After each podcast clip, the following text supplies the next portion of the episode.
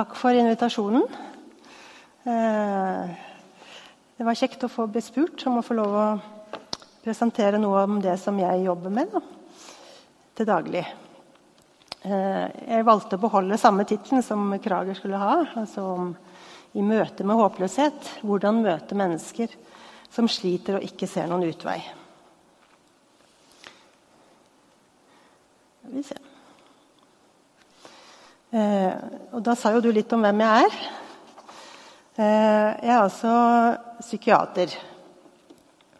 Eh, og hva jobber egentlig en psykiater med? Eh, jo, eh, da er du utdanna lege. Eh, og så er du utdanna innen psykoterapi. Sånn at vi jobber både med å gi medisiner og òg å gi terapi i ulike varianter. Alt etter hva folk trenger. Så du kan si at vi er jo da sjelesørgere, men uten Gud. Eh, altså vi jobber i en sekulær kontekst. Eh, men så har jeg da også interesse for religionspsykologi. Og det er jo fordi at jeg sjøl også er prestedatter. Eh, sånn at det med religion eh, har vært noe jeg har vært opptatt av. Hvordan det påvirker de psykologiske prosessene. Så det er liksom bakgrunnen til hvorfor jeg tok en doktorgrad på dette. her da. Så det er sånn røftlig min vei inn i dette. Ja eh, Det jeg tenkte å si noe om eh, i dag Jeg har lagt opp en liten plan. at eh, Jeg snakker om noe om hvorfor altså, hvorfor havner mennesker i håpløshet. Eh, og hva fins av offentlig hjelp? Hvordan jobber en psykiater med å hjelpe en som er ramma av håpløshet? Hvordan kan vi som altså medmennesker hjelpe en som er ramma av håpløshet? Og hva kan Kirken bidra med? Jeg vet ikke om jeg har fullt svar på alt dette, her, men jeg skal få si noe om mine tanker om dette. her da.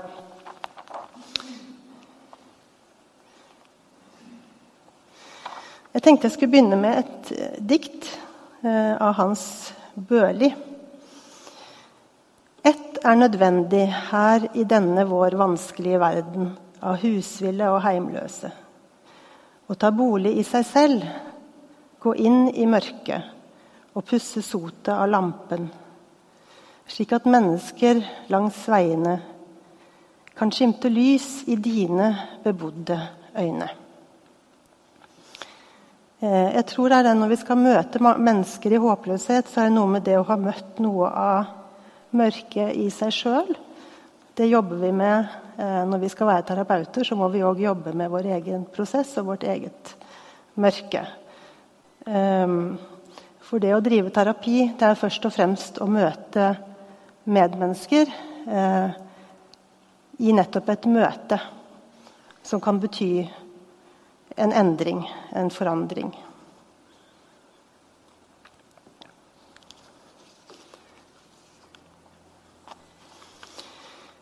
Jeg tenker at det å, altså det med å miste håpet, altså det å være i håpløshet, det tar jeg som et kraftig varselsignal hvis noen forteller meg det.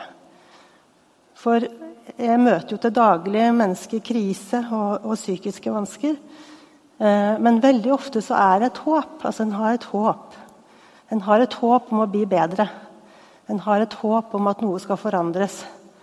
Eh, og at det skal bli bedre en eller annen gang. Men, og det til tross for at jeg tenker du verden hva folk kan greie å stå i av opplevelser. Men når depresjonen er som tyngst, som jeg syns eh, du Vidar forklarte eller beskrev veldig godt, eh, så kan det være vanskelig å se det håpet. Det kan være at livet rakner. Det kan være en skilsmisse. Det kan være tap av den viktigste personen i livet ditt. Det kan være tap av et barn. Da er det vanskelig å se håp. Eller når depresjonen er som tyngst, er det òg vanskelig å se håpet. Og I de situasjonene så føler jeg at vi som terapeuter må bære, prøve å bære det håpet. At ja, det ser sånn ut nå, men det kan bli annerledes. Det har vi sett mange ganger før, at folk har vært på det dypeste deprimert og en kom, kan komme seg. Du er ikke alene.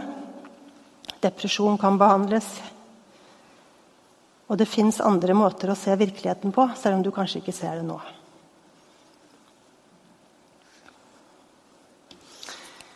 Men som jeg sier, så er det altså når, når noen uttrykker håpløshet, så tenker jeg det er, Når vi kartlegger selvmordsfare, så er håpløshet en av de tingene vi spør inn til. Og som er et viktig varselsignal. Altså hvis du på en måte tenker deg at det er håpløst, så er det viktig på en måte å snakke videre om det og finne ut hvor, hvor nært er det at denne personen kan komme til å, å ta sitt eget liv. For det er jo en realitet at mellom 500 og 600 mennesker i Norge tar sitt eget liv hvert år. Og to, og tre, to av tre er menn. Eh, antallet selvmord har gått noe tilbake de siste åra, heldigvis. Og det er heller ikke sånn at selvmord bare skjer i ung alder. Det skjer gjennom hele livet. Så jeg tenker det, det er viktig, og som du var inne på, det er viktig at vi spør. Eh, det er aldri farlig å spørre om noen har tanker om å ta sitt eget liv. Det er viktig, og det fins hjelp når det er så svart. Så jeg har lyst til å si litt om det òg, siden det er den konteksten jeg kommer fra. Eh, og hvis noen av dere som er her i dag, har Eh, enten sjøl eller har eh, familie, venner, pårørende, så, så fins det hjelp. Du kan kontakte fastlege på dagtid. Eh, legevakt på kveldstid. Hvis en har selvmordstanker og planer, så er det viktig å få hjelp der og da. Så da skal det ikke utsettes. Eh, hvis det ikke haster sånn, så kan en få hjelp av psykisk helse i kommunen. Eh, og vi har også et akutteam på Jæren DPS der som jeg jobber eh, som er åpent døgnet rundt. Man kan ringe og få hjelp. Så fins det jo også ulike hjelpetelefoner, som Kirkens SOS bl.a. Og hvis det på en måte at du har en alvorlig psykisk lidelse og trenger hjelp, så kan en få henvisning til oss på, på poliklinikken på Jæren DPS, eller i et annet poliklinikk, alt etter hvor dere bor hen. Eh, og hvis det er behov for å, at noen må ta vare på det her og nå, for at du ikke klarer å ta vare på deg sjøl pga. selvmordsfare, så kan den bli lagt inn. Også det på døgnet rundt. Så er jo spørsmålet er det alltid sånn at man er psykisk syk hvis man er i håpløshet. Og det er det ikke. Det kan òg være veldig akutt. Jeg bare tok med det avisoppslaget med om han eh, altså Tønne-saken er en litt gammel sak. Det kan hende vi hadde kunnet funnet noe nyere. Men, men, det var jo da eh, tidligere helseminister Tore Tønne som eh, tok livet sitt etter at han ble tiltalt for økonomisk utroskap. Så ble jo den saken da etterpå henlagt. Og det er jo det som er så veldig trist. At på en måte et selvmord er så endelig. Eh, det kan ikke gjøres om. Eh, og så Derfor er det så viktig å komme ut med det budskapet at det går an å få hjelp. Eh, jeg tenker Det er så fryktelig trist når noen tar livet av seg, for det er så uendelig unødvendig i veldig mange tilfeller. Det finnes, det finnes håp om å bli bedre. Så, men hva er det som kan føre til håpløshet, da? Jeg tror det kan være veldig mange veier inn i en håpløshet. Eh, det kommer kanskje mye an på hva som har betydd mye for deg i livet.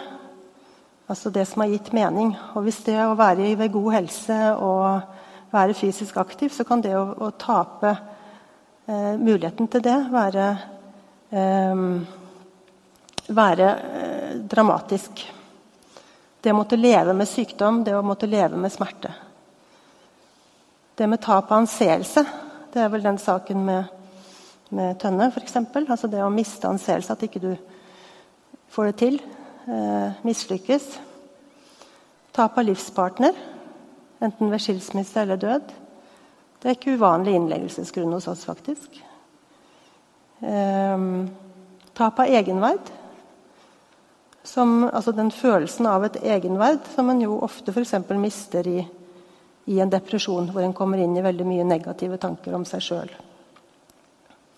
Så jeg tenker Tap av mening, tap av mestring av livet og tap av glede er ting som kan føre inn i håpløshet.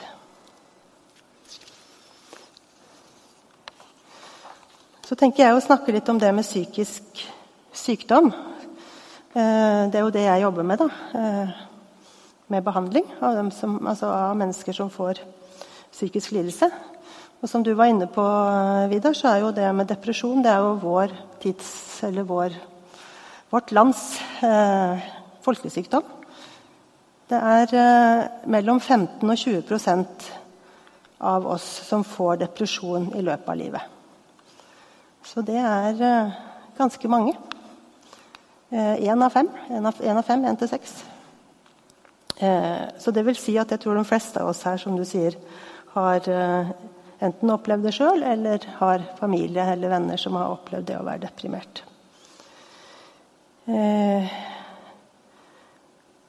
Posttraumatisk stresslidelse er også noe som en del mennesker i vårt land strever med. Det er bare noen eksempler. Liksom. Altså, det er masse forskjellige slags sykdom. Men Eh, det også er en ganske vanlig sykdom. 10% av de soldatene som kommer hjem fra krigen, har posttraumatisk stresslidelse. Posttraumatisk stresslidelse det vil si at du eh, jeg tenker Depresjon beskrev du så godt, så det trenger jeg ikke å beskrive om igjen. Eh, men posttraumatisk stresslidelse er jo det at du har vært i krigen. Du har opplevd nesten å bli drept. Og så kommer du hjem, og så er det fred. Eller de som kommer fra andre land fra krigen. Her er det trygt. Men det kjennes ikke sånn. Det kjennes ikke sånn, for at det minste smell kan gjøre at du er tilbake i krigssituasjonen. Veldig slitsomt å leve med. Eh, Likedan kvinner som opplever eh, seksuelle overgrep. En voldtekt, f.eks. 30% opplever gjenopplevelser av det eh, som posttraumatisk stress. Så psykisk sykdom er vanlig i vårt samfunn. Det er ikke oss og de, men det er noe som er en del av det vi sliter med.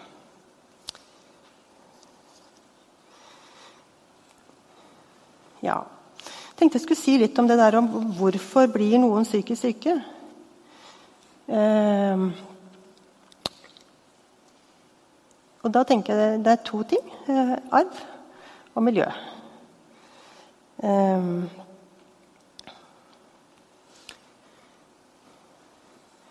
Og Det tenker jeg også er litt greit å si noe om. For uh, det er eh, noen av oss som har arva en sårbarhet for å utvikle depresjon. Det er noen av oss som har arva sårbarheten til å utvikle bipolar lidelse. Det er på en måte det at, altså bipolar lidelse er det at du svinger både opp og ned. altså Både blir deprimert, og så blir du, du òg perioder med, med, mani. altså Hvor du blir veldig aktiv og har veldig stor sjølfølelse. Eh, og noen har arva sårbarheten for å utvikle psykose. Sånn at det er ikke nødvendigvis bare eh, belastninger i miljøet som kan føre til at noen blir syke. Det kan òg være at du har en økt tilbøyelighet. Eh, en ser jo også da at tilbøyeligheten til psykisk sykdom er òg eh, noe av den samme eller den arven der er også det som gjør at du er mer kreativ. sånn at det er ikke bare negativt det at du er mer følsom. da. Det pleier jeg å si til dem som går hos meg. at det, det har sine verdier òg, det å ha den dybden i livet. Men det kan være veldig slitsomt å leve med. Så jeg har lyst til å si noe om hvilke miljøbelastninger da, som kan føre til at en får psykisk lidelse. Eh, og Det kan være ganske mye forskjellig. Jeg nevnte jo det med å ha krigserfaring. Det med vold. Eh, det å oppleve overgrep. Altså det med seksuelle overgrep eh, i barndom eller i voksen alder. Omsorgssvikt. Eh, en god del av dem som kommer til oss, har jo hatt ganske forferdelige oppvekster. Sånn, så jeg tenker det er forståelig nok at du vil slite seinere i livet med det. Um, og, men det er også det med å være flink pike, flinke, flinke, gutter og piker altså Det å ha veldig høye krav til seg sjøl eh, og prøve å innfri det, det kan være veldig belastende. For det er sjelden at du klarer helt å nå opp til det, uansett hvor flink du blir. Eh, Og det å ha lov å si nei og sette grenser. Det er også mange som føler at ikke du kan, for hvis du sier nei og setter grenser, så vil gjerne ikke folk uh, sette pris på det lenger. Og så nevnte jeg Det altså det med andre miljøbelastninger er jo mer sånn som skjer i løpet av livet. Da. altså Det med tap av helse, tap av de nærmeste, støttepersonene, og anseelse. Og ikke minst det med ensomhet og isolasjon. Og det er jo på en måte noe av problemet òg hvis du har eh, opplevd eh, mye vondt fra andre mennesker da, i løpet av livet. Altså Hvis du har opplevd å bli utsatt for vold eksempel, og svik, så er det jo veldig vanskelig etter hvert å stole på andre mennesker. Du forventer at de, nye menneskene du møter, også vil utsette deg for, for vonde ting.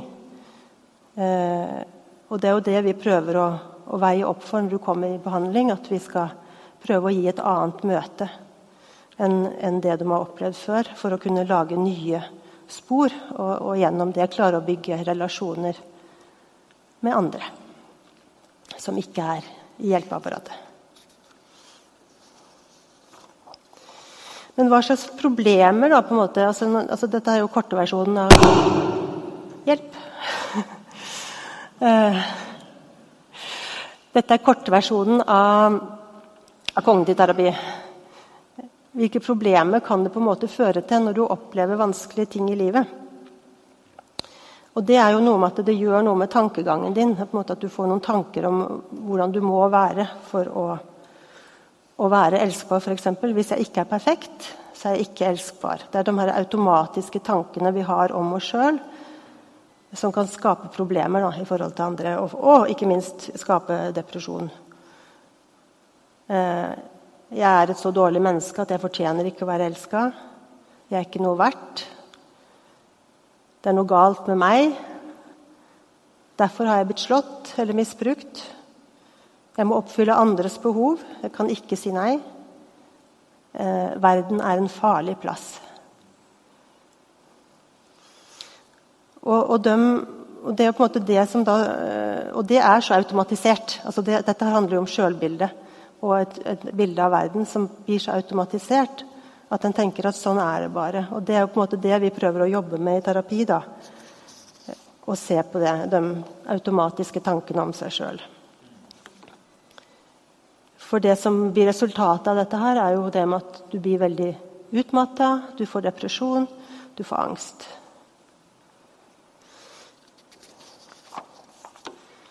Så hvilke bedringsprosesser har vi da i forhold til å jobbe for å hjelpe folk som har havna i håpløshet? Det er jo da mange ulike former for terapi. Kognitiv terapi er en av dem. Jeg er utdanna i det og i kunstterapi. Eh, men jeg tenker alle slags terapiformer så jobber vi med det å normalisere følelser. Vi jobber med det å oppdage feilslutninger. altså hva, hva er det du tenker som gjør at det blir vanskelig for deg å ha det bra med deg sjøl og dem rundt deg. Eh, det er lov å ta vare på seg sjøl. Eh, du, du, må ha lov til å ta vare på deg sjøl også, ikke bare alle andre.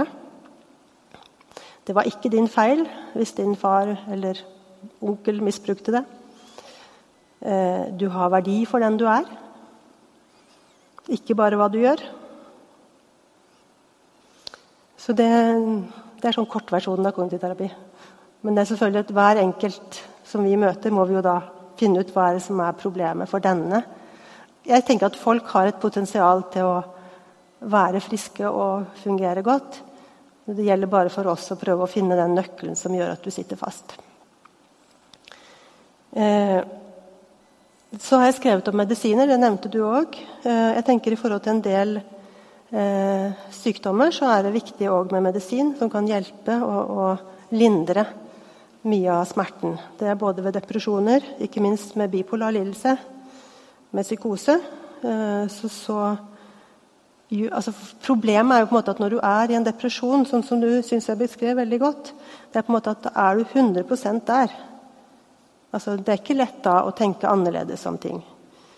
Eh, og hvis du er i en mani, så tenker du sånn. Altså, at, måte, da er eh, livet veldig uproblematisk, og du kunne godt vært president eller statsminister eller hva det måtte være. For da har du absolutt alt som trengs for alle muligheter. Eh, og på en måte det å klare å balansere altså på en måte det å, Medisiner vil jo på en måte hjelpe både å løfte opp fra en depresjon og, og ta ned, sånn at du liksom er deg sjøl, sånn som du egentlig var ment å være.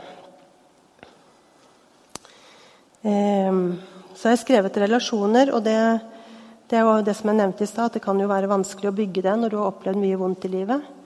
Men jeg tenker det er veldig viktig, og det er noe vi jobber mye med å prøve å hjelpe den enkelte med. Vi har gruppebehandling for eksempel, som kan være med å hjelpe i forhold til det. Så tenker jeg vi alle sammen har behov for å ha en, en mening, noe å leve for. Så det tenker jeg er viktig å finne.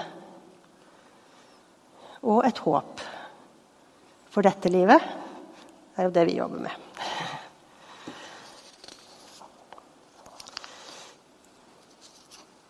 Men jeg tenker jo absolutt at det kristne håpet kan være et vesentlig håp. Men det kommer jeg tilbake til. Eh, ja Hva kan pårørende gjøre? Jeg tenker først og fremst det å våge å være et medmenneske. Stå ved siden av. Eh, det kan være hjelp at noen rundt forsøker å hjelpe å se ting på en annen måte. Ikke alltid, men det kan være en hjelp. Så har jeg skrevet 'vanligvis ikke ta over ansvaret'. For det tenker jeg er en fare. Hvis en er psykisk syk, at den andre i et parforhold eller nærstående person gjerne vil prøve å hjelpe, selvfølgelig, men det er viktig å ikke ta over ansvaret. Det er viktig at hver enkelt er ansvarlig for sitt liv og finne gode utveier. Men det er klart, hvis en person er i akutt selvmordsfare, så er det viktig å hjelpe. Og det er viktig å Da må vi av og til òg ta over ansvaret. Eh, og at de da blir lagt inn hos oss. Og jeg tenker det også, eh, Hvis du har noen i din nærhet som sliter med håpløshet og ikke ser noen utvei, så tenker jeg det er viktig å skaffe profesjonell hjelp. Ikke tenk at du skal løse alt sjøl. Men våg å gå inn i den livsverden som den, det mennesket er i. Våg å spørre. Eh, våg å være der. Og spør om sjølmordstanker. Men ikke slit deg sjøl ut. Det er veldig viktig at du som pårørende tar vare på deg sjøl og skaffer flere til å hjelpe. For det er en fare. Og det er ikke godt verken for den som er syk, eller for deg. Og Av og til sånn tenker jeg også at pårørende kan trenge, trenge hjelp. Eh, jeg tenker jo Særlig hvis vi får barn som sliter, så er det lett å bebreide seg sjøl som foreldre. Hva skulle jeg gjort annerledes? Og da tenker jeg Det, er viktig å, å, få hjelp for egen del. Altså Det er pårørendesenter og forskjellige ting man kan få hjelp på. Eh, og jeg tenker eh, Hvem av oss har ikke gjort feil som foreldre? Det har vi gjort alle sammen. Så det er noe med å ja, gå, gå, barn i møte og eh, ikke bebreide deg sjøl. Ja Ja, så er jeg over på det Hva kan Kirken gjøre? Eh, for som jeg sier, altså Når jeg jobber som psykiater, så jobber jeg i en sekulær kontekst. Det er selvfølgelig sånn at vi spør om tro. Eh, det håper jeg vi gjør. Vi prøver på det. Uh, og at når det er viktig for vedkommende, så vil jo det også bli tatt inn i terapien. Men Har jeg brukt lang tid? Nei. Uh, men i utgangspunktet så er vi en sekulær terapi. Uh, men Kirken kan jo gi Gud. men det kan jo være litt både og. jeg har tatt med et utsnitt fra en annen stor Brynemann, Arne Garborg. Ehm, for jeg syns at det viser litt av den ambivalensen som du òg var litt inne på. Ehm, det er fra den bortkomne Faderen. Ein Gud, hva skal vi med en Gud? Fordøme oss kan vi sjølve. Men en menneskesønn som kjente oss, og visste alt, og hadde det lekende ord og hjelp. der de andre bare hadde dommer, og kalde augo, en menneskesønn, og at du ikke lenger er på jorda.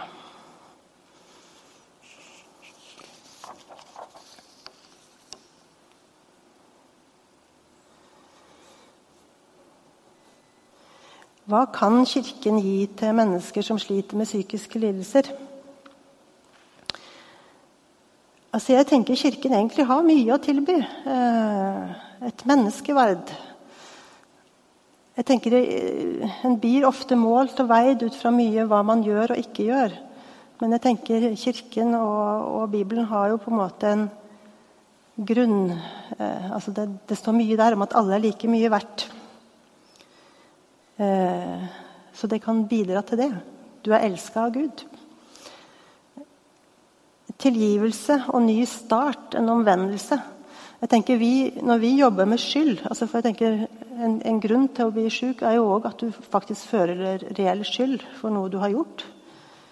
Eh, og da er det ikke sånn man skal frata den skylden, men, men, det er noe med det å få lov å gjøre, gjøre opp for seg. Det å få lov å begynne på nytt.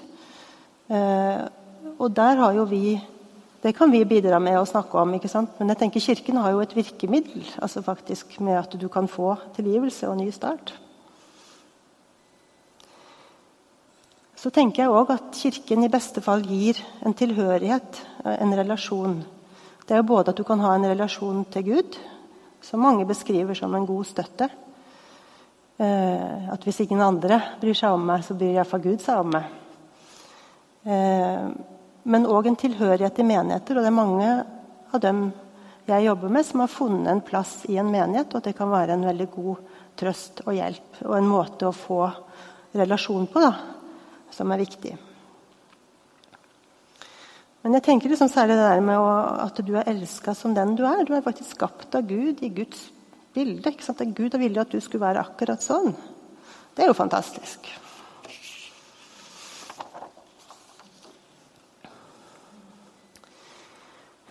Men så er det òg eh, utfordringer med tro. For hva slags tro er det som kan hjelpe når det virkelig er i vanskelige tider? Eh, jeg tenker i fall at ikke det er en tro på julenissen. Altså. Hvor, hvor Gud, altså hvis vi bare ber til Gud, så løser han alle våre problemer. Da blir vi friske, da, vi, eh, da møter vi ikke noe vondt. For sånn er det ikke. Det vonde skjer både med kristne og ikke-kristne. Ehm, og det er en utfordring. Det er åndenes problem. Og Gud Men hvordan skal vi på en måte kunne leve med det? ikke sant? Og det forsøker vi jo på forskjellige måter. ikke sant? Gud har en plan som er større enn det vi forstår. Det er det noen som kan finne hvile i, men det er sannelig ikke alle som finner hvile i det. Det. Du kan ikke komme med det hvis et menneske har mista barnet sitt, f.eks. Det er vanskelig. Da tror jeg det skal være lov å rase mot Gud.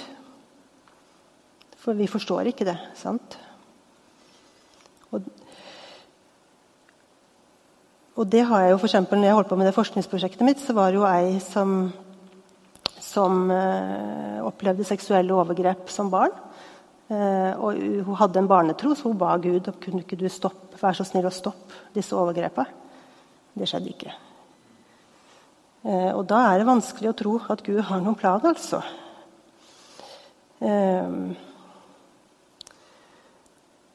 så er det 'Jeg hviler i Guds hender'. Det var også en av dem i det forskningsprosjektet mitt som sa Hun hadde en tegning av det til, til og med. Hun var veldig syk og hadde masse psykosesymptomer. Hørte stemmer og sånn. Eh, for henne var det en veldig god trøst.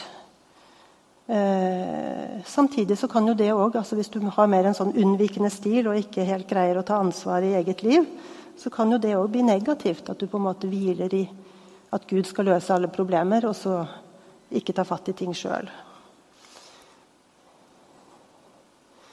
Men det å ha en menighet å høre til, og noe å leve for, det tenker jeg kan være veldig bra. Hvis det fungerer godt, da.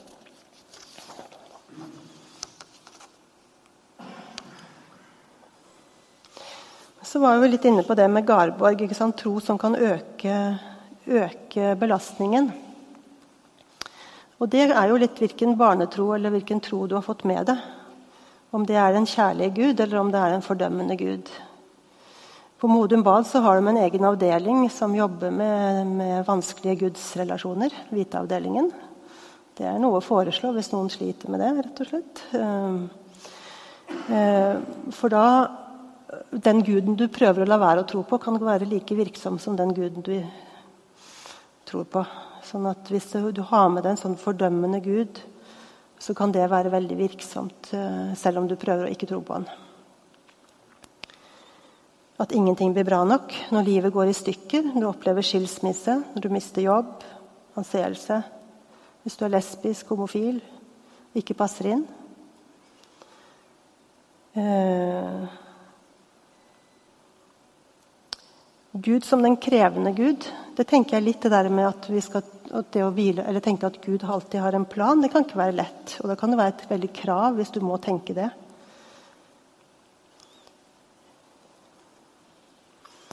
Eller det at du kan gjøre ting enda bedre.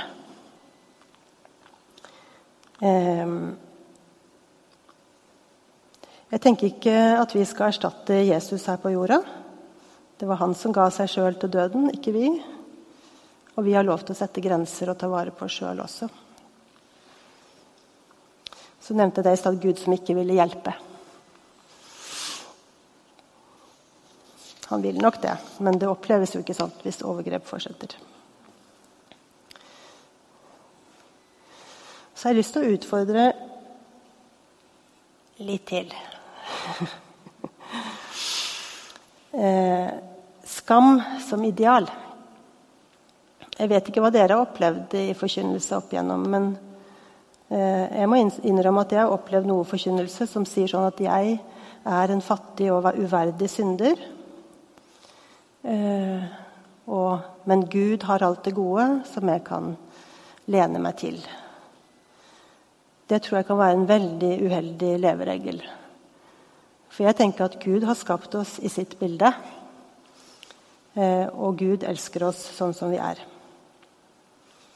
Og jeg tenker Det er en skam over det å få lov å være den jeg er.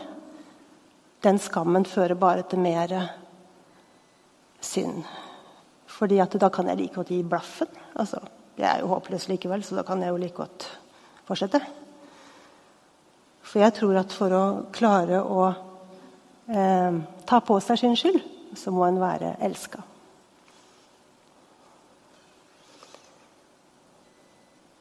Så da er det bedre at vi kan tenke at vi er skapt i Guds bilde. Jeg senker meg ikke så lavt. Og så er det òg det med å for jeg tenker òg det der med å elske seg sjøl eh, Det hjelper oss å elske andre. Å være romslig med seg sjøl hjelper å være romslig med andre. Og det å være elska av Gud kan hjelpe til å elske seg sjøl. Så har jeg skrevet opp der, og det er litt sånn inspirert av, uh, Magnus Malm som snakker om det at den gode viljen har vi i oss. Det gode jeg vil, det gjør jeg ikke. Men det onde jeg ikke vil, det gjør jeg. Det betyr at vi har en god vilje i oss. Uh, vi har også det gode. Mennesket er både godt og ondt.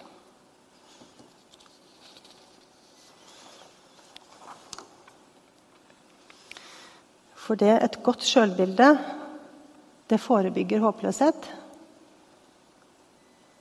Derfor jeg tenker jeg Kirken kan bidra med det. Vi er skapt i Guds bilde. Eh, prøv å forstå deg sjøl som den, det mennesket du er lagd som. Vær romslig med deg sjøl. Trøst deg sjøl og ha medfølelse med deg sjøl. Du fortjener det. Så håper jeg vi kan hjelpe hverandre til det.